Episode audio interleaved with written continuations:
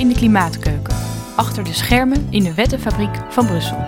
Over auto's die verboden worden, belastingen op vervuilende producten, dure energie en slimme oplossingen. Bijou van der Borst en Bert van Sloten van Brusselse Nieuwe gaan in gesprek met Europarlementariërs die onderhandelen over nieuwe klimaatmaatregelen.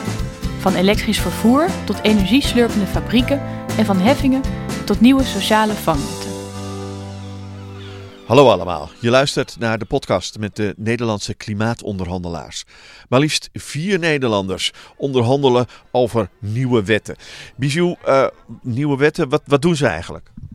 Ja, de Nederlanders hebben een hele belangrijke positie als uh, klimaatonderhandelaar eigenlijk. Omdat als je de onderhandelaar bent, hier in Europa ook wel rapporteur genoemd, dan heb jij eigenlijk de pen vast van de nieuwe wet. Dus jij schrijft de nieuwe wet en dan komen er allerlei partijen bij jou langs die, die aanpassingen willen doen. En die zeggen, nou, we willen toch iets meer, uh, dat het iets strenger wordt of iets minder streng. Dus uh, ja, je hebt heel veel invloed en je ziet heel veel van het uh, wetgevingsproces. Je bent eigenlijk de spin in het web. Ja, en het interessante is, er komen dan ook allerlei mensen natuurlijk die allerlei belangen hebben bij je langslopen en uh, ja, jou informeren over wat je het beste kan doen. Dus het is heel leuk ook aan hen uh, te vragen ja, wie zij allemaal gesproken hebben, wie zij gezien hebben. Ja, en wie er dus inderdaad heeft geprobeerd invloed uit te oefenen. Oké, dat is het plan. Vandaag de eerste. Wie komt er langs zo dadelijk? Jan Huytema van de VVD. In uh, Europa is, uh, valt hij onder de Renew-partij, de Liberalen. En uh, hij, heeft, nou, hij heeft een van de eerste klimaatwetten erdoor gekregen. Al een prestatie op zich. En hij, die wet schrijft eigenlijk voor dat er een, vanaf 2035 een verbod komt op auto's ja, met de ouderwetse verbrandingsmotor. Dus het oude... Uh, het, het, van de het vroom vroom geluid. Het, het vroom vroom, uh, ja, vroom vroom is niet meer.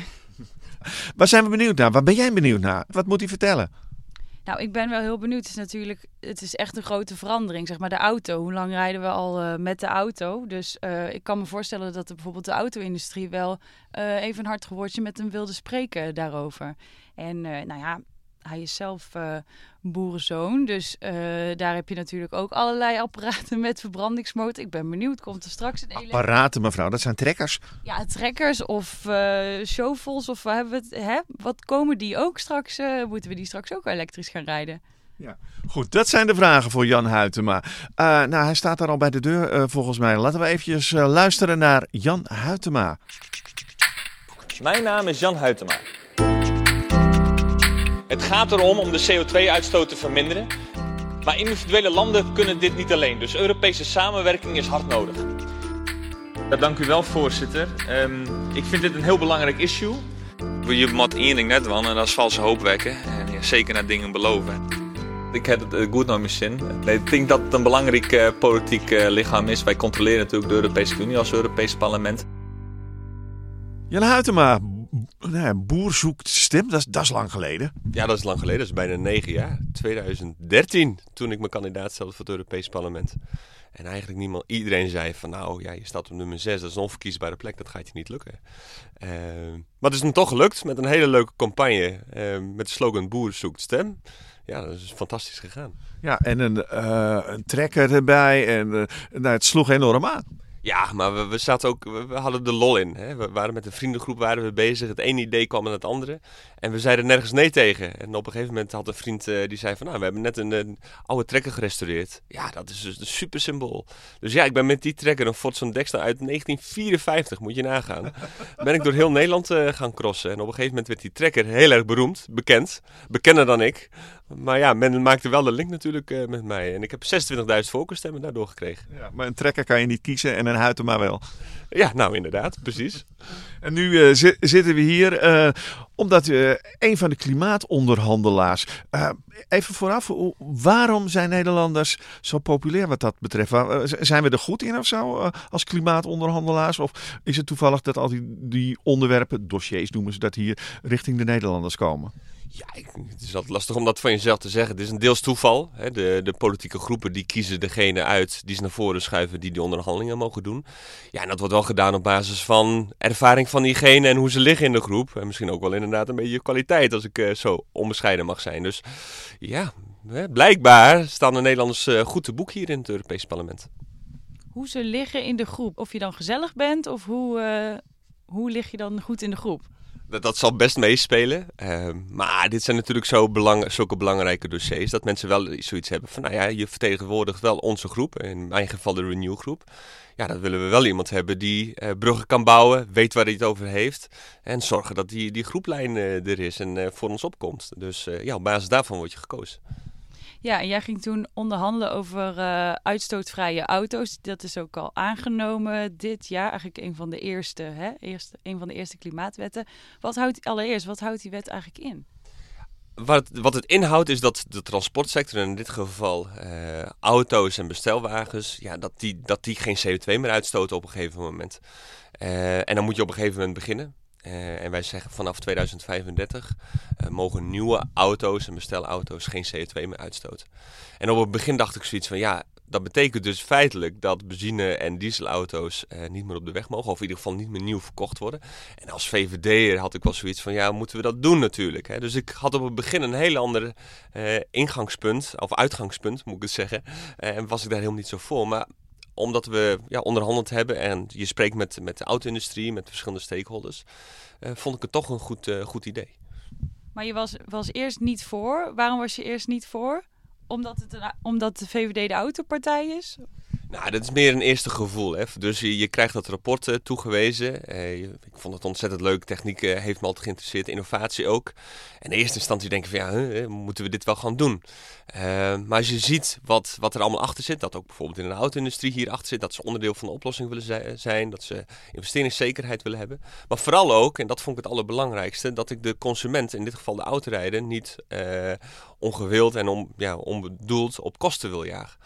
Ik vind dat autorijden uh, altijd moet kunnen. Uh, voor heel veel mensen is autorijden nog heel belangrijk. Zeker ook in de gebieden uh, op, op het platteland waar ik ook vandaan kom. Ehm, dus ja, er was een tendens dat ja, autorijden per CO2 die je per kilogram CO2 dat je uitstoot, dat je daar een belasting voor moet betalen. Ik zag er veel meer in om te zorgen dat je een auto ontwikkelt die geen CO2 meer uitstoot. En dat een automobilist dus ook geen CO2-belasting hoeft te betalen. Maar, maar kan je weigeren? Uh, want je hebt het al van toewijzen. Uh, kan je op een gegeven moment ook weigeren en zeggen: Nou, dat is, dat is echt niks voor mij? Ja, zeker. Maar het begint er al mee dat je natuurlijk aangeeft wat jouw voorkeuren zijn. Dus van, die Fit for 55, van dat Fit for 55 pakket zijn 14 voorstellen gelanceerd door de Europese Commissie. Ja, en dan mag jij voorkeuren aangeven binnen jouw groep die jij graag wil doen. Ja, maar niet over gedacht om te weigeren, of toch op een gegeven moment de knop omgezet? Nee, kijk, uh, ik had kunnen bepalen om te zeggen van nou, de Europese Commissie heeft stelt voor dat auto's geen CO2 meer mogen uitstoten. Nieuwe auto's hè, van, van 2035. Als wij hadden gezegd en als ik had gezegd van ja jongens, maar daar zijn we het niet mee eens, had dat ook gekund. Hè, dus het was veel meer in dan te kijken van ja, hoe, hoe hè, veel meer dat je je positie hierin probeert neer te leggen dan dat je zegt van ja, ik, ik, ik stop ermee. Kijk, als het nou echt zo was dat de hele groep een hele andere lijn had dan jij, dan was het misschien een andere vraag geweest. Maar dat was in dit geval niet, uh, dat niet zo. En wat schrijft de wet dan precies voor? Hoe ga je dan zorgen dat er in 2035 geen uh, CO2 meer wordt uitgestoten? Nou ja, hè, we hebben een interne markt in Europa. En voor alle producten die we hebben, moeten die aan bepaalde eisen voldoen voordat ze op de Europese markt uh, ja, geplaatst worden, noemen ze dat. En dat is niet alleen voor Europese fabrikanten zo, maar voor alle fabrikanten ook vanuit derde landen. En uh, ja, je kunt eisen stellen. Hè? Bijvoorbeeld op je, op iPhone worden eisen gesteld. Maar ook bijvoorbeeld nu al met auto's. Hè? Hoe de knipperlichten zitten, dat de gordels in moeten zitten, noem maar, ook, maar op. En je kunt dus ook eisen dat een auto geen CO2 meer uitstoot. Dus is het, ja, je kan dan eigenlijk eisen vanaf 2035 uh, moet er een ander soort uh, aandrijving in deze auto zitten? Ja, dat, dat hoeft niet per se. Hè. Wij, er werd heel, heel erg gezegd van ja, jij zit heel erg op dat het niet technologisch neutraal is. Wij zeggen alleen van uh, een auto mag geen CO2 meer uitstoten. Uh, maar op welke manier je dat doet, ja, dat is helemaal aan de autofabrikanten. Misschien heb je een geniaal plan dat je dat toch met benzine kan doen. Ik denk het niet, maar het zou kunnen. Uh, voldoen ze er niet aan, dan moeten de autofabrikanten voor elke gram CO2 dat zo'n auto wel uitstoot, moeten ze een, een boete betalen.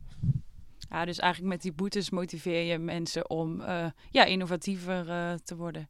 De, de autofabrikanten inderdaad. Ja, dat klopt. En uh, het interessante was wel, en daarom zei ik al van ja, het was wel heel erg interessant dat de autofabrikanten hiervoor waren. Je ziet al dat autofabrikanten veel verder zijn. Dus eigenlijk is de politiek hier, loopt hier een beetje achter de feiten aan.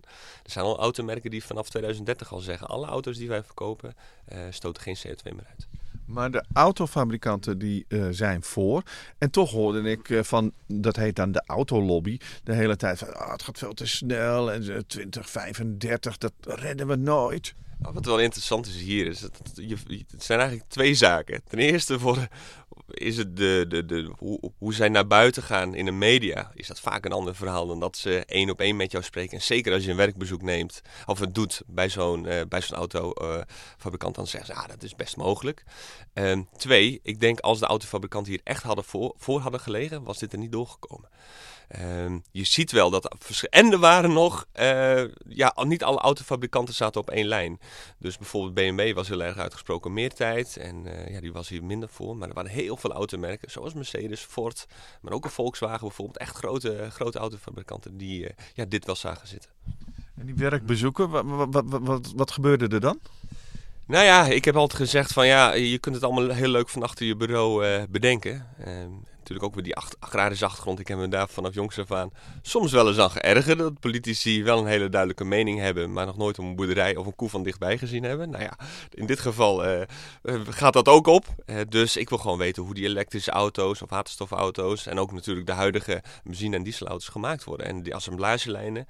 En dat je met de werknemers op de werkvloer spreekt, maar ook met bijvoorbeeld met de directie. Dat waren de reacties van de autofabrikanten. Wat waren de reacties vanuit Nederland, bijvoorbeeld uit de Tweede Kamer? Ja, nou ja, Nederland heeft natuurlijk uh, had een, uh, heeft een regeerakkoord op dit moment. Waarvan al gezegd wordt vanaf 2030 uh, willen we niet meer dat auto's op de weg komen die CO2 uitstoten. Dus ja, dat was een hele duidelijke positie. en Nederland heeft ook in Brussel gelobbyd in ieder geval dat het niet afgezwakt wordt, het voorstel van de Europese Commissie. Dus dat het niet later duurt dan 2035. dus dat was de rol van Nederland hierin ja, afzwakken. Dat is natuurlijk toch iets wat in die onderhandelingen dan regelmatig uh, geprobeerd wordt.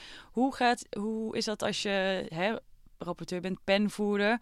Hoe heb je dan invloed op de manier waarop mensen dingen afzwakken of willen, juist willen aanscherpen? Want jij bent degene die de zinnen letterlijk opstelt. Je, je, begint met, inderdaad met zelf een rapport te schrijven van hey, hoe denk jij erover dat het Europees Parlement. Wat, jij, eigenlijk moet jij beginnen met een conceptrapport waarvan jij denkt, nou, dit is ongeveer de positie van het Europees Parlement. Dat dien je in en daar kan dan, kunnen dan uh, alle collega's in de Milieucommissie in dit geval daarop schieten en wetswijzigingen of wijzigingen aanbrengen. Dat heb ik natuurlijk niet in de hand wat zij gaan indienen. Maar ik heb wel in de hand dat wij samen gaan zitten en dat we al die, uh, die wijzigingen op, op, op een hoop nemen en dat we daar compromisteksten uitmaken. Die schrijf jij wel. Uh, en dat is inderdaad, als rapporteur heb je daarin ja, heb je dus een hele belangrijke rol in dat, uh, dat proces. En ook dus ook uiteindelijk wat uh, de, de tekst is van het Europees Parlement, de positie is van het Europees Parlement. Maar valt daar een voorbeeld van te geven, van, van waar de pen van Huytema zichtbaar is? Nou, wij hebben denk ik heel belangrijk uh, wij hebben heel erg ingezet op het sociale domein ook. Sommige sectoren in de auto-industrie, en dat zijn vooral de toeleveranciers, en dan misschien zelfs wel vooral de, de, kleine, de, de MKB-bedrijven, die bijvoorbeeld een, een, onderdeel van een versnellingsbak of een onderdeel van een motor leveren. Ja, het zou heel goed kunnen dat zij na 2035 geen markt meer hebben, hè, of geen vraag meer hebben. Ja, dat moet je wel zien, vind ik. En dan moeten we ook gaan kijken van ja, hoe kunnen wij dan als politiek daar die transitie ook goed doen? Want ik geloof niet dat wij nou eh, hoge werkloosheid zullen hebben. Ook nu op dit moment is de werkloosheid ontzettend laag. En dat zal een groot probleem zijn. Maar dat mensen wel op een juiste manier omgeschoold worden. Of ja, nou, hè, dat we die transitie kunnen maken. Dat mensen niet hun baan verliezen, maar ergens anders goed aan het werk kunnen. Ja, daar komen er dus uh, zinnen in van uh, dat mensen omgeschoold moeten worden. Of dat uh, daarbij geholpen moeten worden naar andere naar ander werk. Dat is dan het werk van Huytema. Nou, onder andere, ja. Um, wat wij vooral op het begin hebben gezegd is van, nou ja, die, die Nederlandse positie is 2030. Dat heb ik eerst proberen in te schrijven. Dat is niet helemaal gelukt. ah, zo zijn er meer dingen. Uh, wat ik ook een belangrijke vond, uh, is bijvoorbeeld de hybride auto's. Uh, op dit moment worden hybride auto's uh, verkocht waarin verondersteld wordt dat 80% van de tijd zo'n hybride auto elektrisch gereden wordt. Ja, in de praktijk is dat absoluut niet waar. Daar kan ik niet zo goed tegen. Ik vind dat, uh, ja, hoe zeg je dat, een hoax hè? In, in goed Nederlands. hoe is het in het goed Fries? Ja, dat weet ik eigenlijk niet. nou, dit is, dit is volksverlakkerij, zullen we het maar zeggen. Hè? En uh, ja, nee, daar heb ik me heel erg tegen geageerd. En dat wordt nu ook veranderd. Dus dat het niet zo is dat uh, een, een hybride auto in de, in de papieren staat alsof zij heel weinig CO2 uitstoten. Terwijl de werkelijke emissies veel hoger zijn. Uh, ja, dat vind ik. dat, dat, dat, dat vond ik dat dat gelijk aangepast moet worden. En dat is ook gebeurd. Ja, dat is dus volksvlakkerij. Ja, slim om die achterdeurtjes alvast te sluiten voordat de wet ingaat. Wat, wat wel, wel belangrijk is, wat mensen natuurlijk niet vergeten zijn, is het dieselschandaal, hè, de Schumel software. Dus eh, dat vond ik wel een hele belangrijk iets van, ja, dat wij nu wel, wetgeving maken, eh, waar mensen en consumenten gewoon weten waar ze aan toe zijn. En dat wat autofabrikanten claimen dat een auto doet, dat dat ook werkelijk uh, zo is ik zag, ja, denk, doe me eraan denken. Ik zag wel dat dit wetsvoorstel een nieuwe dieselgate zou zijn, omdat het nog niet ver genoeg gaat, nog niet snel genoeg gaat. Hoe kijk je daarnaar? Nou, dat is precies het tegenovergestelde wat, wat wij eigenlijk hebben proberen te doen. En uh, was ook een van de redenen waarom ik zei van... hé, hey, misschien is het juist wel een goed idee om gewoon te eisen dat auto's geen CO2 meer mogen uitstoten. Want de alternatieven waren dat je met klimaatvriendelijke brandstoffen zou mogen werken, zogenaamde synthetische brandstoffen. Waarbij eerst bij de productie van zo'n brandstof CO2 uit de lucht gehaald werd. En dan bij de verbranding in de auto van zo'n brandstof de CO2 weer vrijkomt. Dat is ontzettend lastig om dat goed in wetgeving vast te leggen. En dat je een systeem hebt waarbij je inderdaad zorgt dat dat ja, tegen elkaar weggestreept wordt. En dan hebben autofabrikanten er een rol in, de, de, de, de brandstoffabrikanten. Ja, ik zag het helemaal voorkomen, of helemaal aankomen, dat daar uh, loopholes, hè, dat daar, ja, hoe zeg je dat? dat daar... Geitenpaadjes. Dat vind ik een hele mooie, dat daar geitenpaadjes in komen. Uh, dat dat daadwerkelijke CO2-uitstoot helemaal niet naar beneden gaat, maar dat ermee gezoemeld wordt. Ja, ik denk dat het nu het moment is om uh, ook naar de reportage te gaan. Maar jij hebt een betere aankondiging. Inderdaad, we hebben ook nog een reportage. Ik weet niet of ik het beter kan aankondigen hoor. Maar we hebben nog een reportage. Het geluid van de elektrische auto. Dat is heel anders dan dat vroom vroom geluid. Dat vroom vroom. Maar hoe dat klinkt, dat heeft onze verslaggever Liewe onderzocht. Toen in 2013 voor de eerste Tesla zag rijden, ik man wat een ding, dan ga je dat niet kopen. Inmiddels heb ik er twee.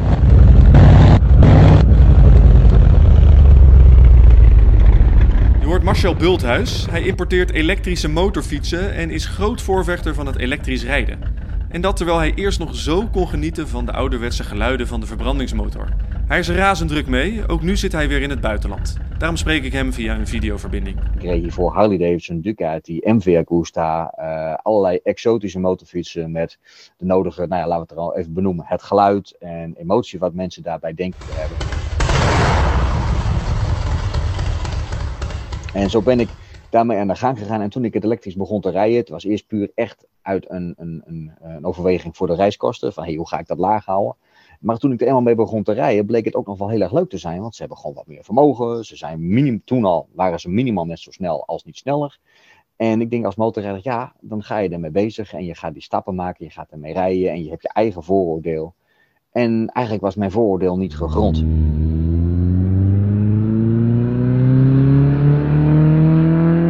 Ja, het klinkt even anders. Dat was een ouderwetse verbrandingsmotor. En dit.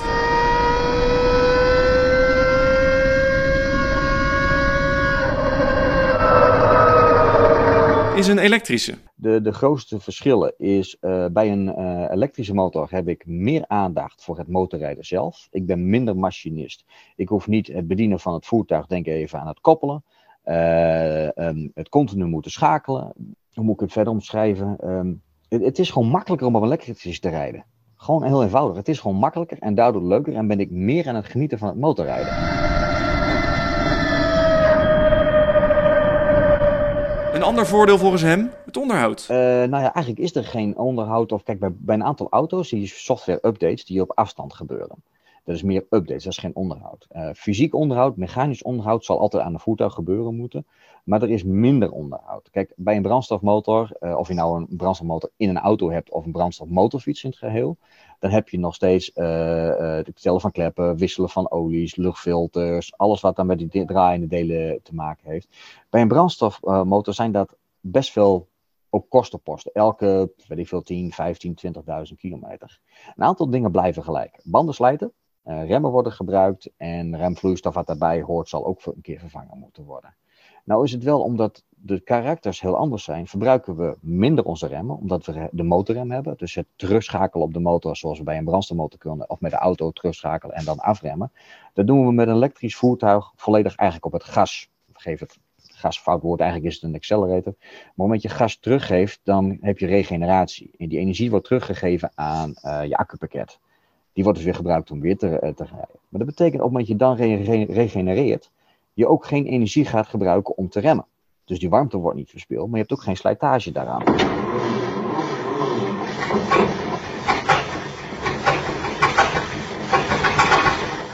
Toch duurt het volgens Marcel nog even voordat iedereen elektrisch rijdt. Het kan allemaal, alleen je moet ermee om leren gaan. En dat leren, dat gedrag, het is een gedragsverandering, die is de grootste uitdaging.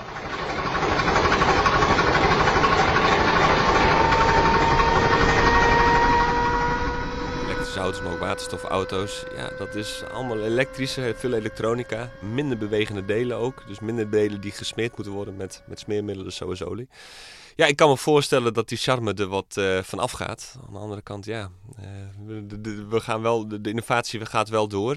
En je ziet juist ook heel veel uh, ja, mensen, monteurs, die er ook wel weer zin in hebben om dat te gaan doen. Maar ja, de wereld verandert wel, dat, dat kan ik niet ontkennen. Komen er ook trekkers die je niet meer hoeft te smeren en, laat maar zeggen, zelf aan te knutselen? Gaan die ook veranderen? Nou, die vraag is er wel. Hè. Ehm, kijk, omdat er minder onderdelen zijn, is een, een, elektrisch voertuig ook vaak, wat, vaak betrouwbaarder, minder onderhoud.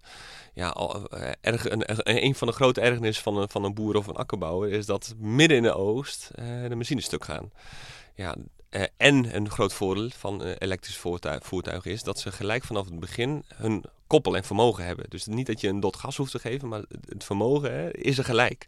En dan, dan zie je al dat die werktuigen sneller, effectiever en, en ook vaak sterker zijn. Uh, dus makkelijker in het gebruik voor de boer en akkerbouwer.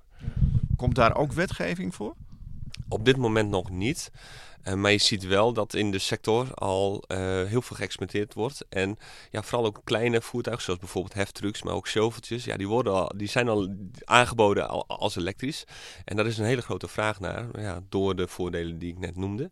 En ik denk dat het alleen maar verder gaat. Het grote probleem natuurlijk is, is dat ja, zware voertuigen die veel kracht uh, overbrengen, ja, dat die ook een grote batterij nodig hebben. En dan is soms de lak wat duurder dan de brief, dat je een hele zwaar voertuig hebt. Dus daar zijn wel ontwikkelingen in. Uh, en daarom is het heel interessant ook te kijken naar de auto-industrie. Want in de afgelopen jaren zijn die batterijen veel efficiënter en effectiever geworden. En ik, uh, ja, ik denk echt wel, als ik ook spreek met autofabrikanten, dat dat doorgaat. degene die weer een batterij ontwikkelt die bij wijze van spreken 50% lichter is of 50% meer actieradius heeft, ja, die heeft echt, echt de heilige graal in handen. Dus iedereen is daarop op aan het inzetten. Steeds meer manieren om groen te doen. Dus dat zijn zijn we ook aan de klimaatrapporteurs nu aan het vragen. Um, ja, hoe goed zij in het dagelijks leven of uh, thuis zijn. En daarbij gaan we zelf ook. Uh... Ja, we, we, gaan zelf ook met ons water voor de dokter. Um, uh, zal ik eens wat positiefs noemen? Ik, ik begin positief gewoon. Dit, heeft een mooi project. Dit is een mooi project. Ja, het, het is, ik vind het zelf ook wel een beetje een raar project. Uh, maar um, bij het douchen, als je gaat douchen, dan um, de eerste straal is altijd koud. Dat zal bij iedereen het geval zijn. Wij vangen die op in een speciale emmer. En die zetten we dan vervolgens bij de wc om onze wc mee door te spoelen. Wel alleen, uh, laat me zeggen, uh, als hij voor de helft is gevuld voor het plasje. En voor de grote boodschap trekken we nog wel gewoon door. Maar goed, dat is ons project. Dus, eerst Bijou en dan jij, Jan. Dan kan je nog even nadenken. Het is een ingenieursysteem ook met de grote en de kleine knop eigenlijk heb je zelf ontwikkeld. Dat is wel mooi. Maar uh, ja, ik zal dan, jij doet het goed, ik uh, doe het wat minder. Want ja, ik uh, moet toch eerlijk zeggen dat ik met mijn auto, met verbrandingsmotor, verschillende provincies doorkruis. regelmatig Utrecht, Brabant, soms naar Brussel. Ja, dat, dat, kan beter. Maar goed, uh, er is altijd nog wel werk aan de winkel. Het is nog geen 2035. Hè? Dus Jan, wat doe jij uh, goed en, uh, en wat kan er beter? Nou ja, goed. Ik kan er niet al ontkomen natuurlijk om zelf elektrisch te rijden. Ik heb dat gedaan. op het begin dat ik rapporteur werd, had ik nog een dieselauto. Zeg ik heel eerlijk. En ik was ook niet van plan om die weg te doen. Maar nagelang ik inderdaad met de verschillende mensen sprak, werd ik daar meer en meer enthousiast van. Ik heb inderdaad een elektrische auto gehad. En mijn verwachtingen zijn overtroffen. Echt. Hè? Dus de, de, de angst die ik vooral had, natuurlijk ook als werk als Europarlementariër, dat ik veel moet rijden. Ook bijvoorbeeld vanuit Utrecht naar Straatsburg. Ja, hoe ga je dat doen met een elektrische auto? Nou, dat, is makkelijker dan, ik- dan, dan ik gedacht had. Ik ben nu hier ook met een elektrische auto. Serieus, want ik hoor wel eens eh, partijgenoot eh Caroline Nachtegaal. Die heeft mij wel eens eh, beschreven dat het, nou het was nog net geen horror toch. Maar oh Bert, ik moet dan overal opletten van waar die laadpalen zijn. Dat heb jij niet. Zij is stinkend jaloers. Ik denk dat ze net iets te snel, heeft, snel is. Zij heeft net wat te vroeg een elektrische auto gekocht.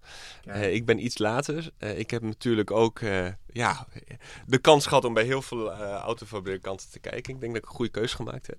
Eh, maar de grap is inderdaad dat ik inderdaad dacht van... Nou, ik zit alleen maar, ben al, zit alleen maar te wachten op, die, op, op, op het laden. Maar het tegendeel is waar. Als ik, ik hoef waarschijnlijk ongeveer maar één stop te doen. En eh, de app zegt al van nou, hij is klaar terwijl ik nog aan het eten ben. Dus het is bijna frustrerender hè, dat die auto nu gaat piepen... eh, dan dat ik ja, in tijdsnood kom. Ja, het woord laadpalenstress is aan jou niet besteed. Maar dan het andere. Wat, wat zou nog beter kunnen? Ja, nee, goed. Natuurlijk, dit werk houdt wel in dat je heel veel moet reizen, ook vliegen. Ja, dat kan zeker, eh, zeker beter. En eh, nou ja, ik vond jou- jouw voorbeeld wel heel interessant. Eh, er zijn hele mooie bedrijven die, die zeggen, ja, use water twice. En dan hebben ze een heel systeem in, in, in, in huis, waarbij inderdaad douchewater, nou, misschien ander afvalwater hergebruikt wordt om bijvoorbeeld inderdaad automatisch de wc door te spoelen. Ja, super. Dus ja, ik, en ik moet inderdaad nog spouwmuurinsulatie hebben in mijn, in mijn hoekwoning, dat soort zaken. Dus daar ben ik, ja, hou ik me ook bezig in het kerstreces om eh, offertes te vergelijken en mijn hu- huis beter te isoleren. Ja, dan, dat is voor het kerstreces. En wat, eh, wat staat er daarna nog op de planning aan eh, nieuwe klimaatwetten? Nou, dit is indirect een klimaatwet, maar wel een hele belangrijke, vind ik. En ik, ja, ook toen ik daar weer mee bezig eh, of mee begon, dacht ik van jeetje, wat een impact. Dit is namelijk de eco-design. Sommige mensen kennen het wel. Eh, ook een partijgenoot van mij heeft het vroeger wel eens gezegd. Ja, wij bepalen zelf wel hoe hard onze stofzuigers zuigen. Ehm, dat is de ecodesign. Dat is een Europese wetgeving die bepaalt van, nou ja, dat apparaten steeds eh, energiezuiniger moeten zijn. En daar valt echt wel wat voor te zeggen. Ook met die, met die stofzuigers. Wat gebeurde er? Dat consumenten eh, steeds een stofzuiger kochten waarbij 2000 watt op stond. En dan eh volgende, volgende maand stond er wat er een, een stofzuiger gelanceerd met 4000 watt. Ja, dan moeten we die hebben, want die is veel beter. Terwijl de zuigkracht niet beter werd, maar ja, die motor alleen maar warm werd. En dat het eigenlijk eh, heel effic- inefficiënt was. Ja, toen is dus die ecodesign gekomen. Dus dat is nu alleen op energieefficiëntie. Maar hij gaat uitgebreid worden voor, en dat gaat voor eh, alle producten die wij kennen op de Europese markt, behalve voedsel en medicijnen, gaat het om eh, recycleerbaarheid, dus circulaire economie. Dus we gaan per productcategorie, en dat moet in samenwerking met het bedrijfsleven, in zogenaamde fora, worden producteisen gesteld op hoeveel gerecycled content erin moet komen, bijvoorbeeld hergebruikt plastics, maar ook dat zo'n product veel makkelijk- makkelijker gerecycled kan worden of gerepareerd kan worden. 80% van de milieu-impact van een product wordt bepaald door het ontwerp van het product. En op dit moment zijn we helemaal niet bezig met de gedachte: hé, hey, een product wordt op een gegeven moment niet meer gebruikt. Wordt afval, ja, hoe kunnen we dat beter hergebruiken? Nou, dat is echt een gigantisch iets. En eh, als... Maar, maar kan je als wetgever, hè, want dat ben je dan in, in Europa, kan je dat op een of andere manier afdwingen? Ja, dat, nou, hetzelfde wat ik al zei voor de auto's. Alle producten die op de Europese markt komen, ja, die moeten aan bepaalde eisen voldoen. Bijvoorbeeld op veiligheid, maar nu dus ook, nu dus ook bijvoorbeeld over energie-efficiëntie. En nu, nu zitten we na te denken van ja, kunnen we ook iets doen op, eh, op hergebruik. Als je mensen op, mensen op straat vraagt, iedereen is voor en niet tegen natuurlijk eh, circulaire economie en hergebruik. Mensen, het is toch gek dat je een product één keer gebruikt, is afval en dan ja, ga je weer andere grondstoffen ontginnen om weer een nieuw product te maken. Dus we moeten daar denk ik over nadenken. Wat je hiermee gaat winnen als dit gaat, eh, ga- gaat, eh, ja, gaat lukken, als dit erdoor komt. Ongeveer net zoveel energie als wij voor de oorlog in Oekraïne gebruikten aan Russisch gas. Dus dat is gigantisch. Sterker nog, als wij dit niet doen, gaan wij de Green Deal... Dus eh, dat wij klimaatneutraal worden in de Europese Unie, absoluut niet halen. We hebben circulaire economie nodig. En het interessante is dat juist Nederland hier op voorop loopt. En daar zitten ook weer kansen in. Ja, voor telefoons kan ik me helemaal indenken hoe dat recyclen er dan zou uitzien. Want ik heb ook een heel la vol met telefoons die eigenlijk nog wel de meeste dingen kunnen, maar één ding dan weer niet. Eh, zoals de batterij, dat is een probleem. Maar voor, voor andere producten, ik denk nu bijvoorbeeld aan een, een tafel of zo. Hoe ga je zoiets recycleerbaar maken? Nou ja, als je het, het voorbeeld van een tafel, daar zit verf in, er zit lijm in, er zitten misschien verschillende materialen in. Ja, als die zo met elkaar verlijmd zijn, is het heel lastig om die uit elkaar te halen en dan die producten weer te recyclen. Dus in dat ontwerp wordt daar rekening mee gehouden dat je ja, hem zo maakt dat die onderdelen makkelijk te, ja, hoe zeg je dat, te ontmantelen zijn en dat die producten weer eh, te hergebruiken zijn. Uh, maar dit zal per productcategorie zal dat veranderen. En ik vind het heel belangrijk, en dat staat ook in het voorstel, dat dat gedaan wordt in samenwerking met het bedrijfsleven. En dat je ook gaat kijken wat is er al beschikbaar in de markt. En dat toch ja, de, de, de slecht, om het zo maar ja, leren van de goede. Uh, en bijvoorbeeld wat een hele belangrijk is, is textiel. Wij gooien ontzettend veel textiel weg. We verbranden zelfs, dat zit ook nog in het voorstellen. Of dat bijvoorbeeld onverkochte collecties eh, verbrand worden. Ja, dat, dat kan echt niet. Het is, uh, een van de grootste, uh, of de, het is een sector die een van de grootste milieu-impacten heeft en klimaatimpact heeft uh, van Europa en van de wereld. Dus daar moet echt iets aan gedaan worden.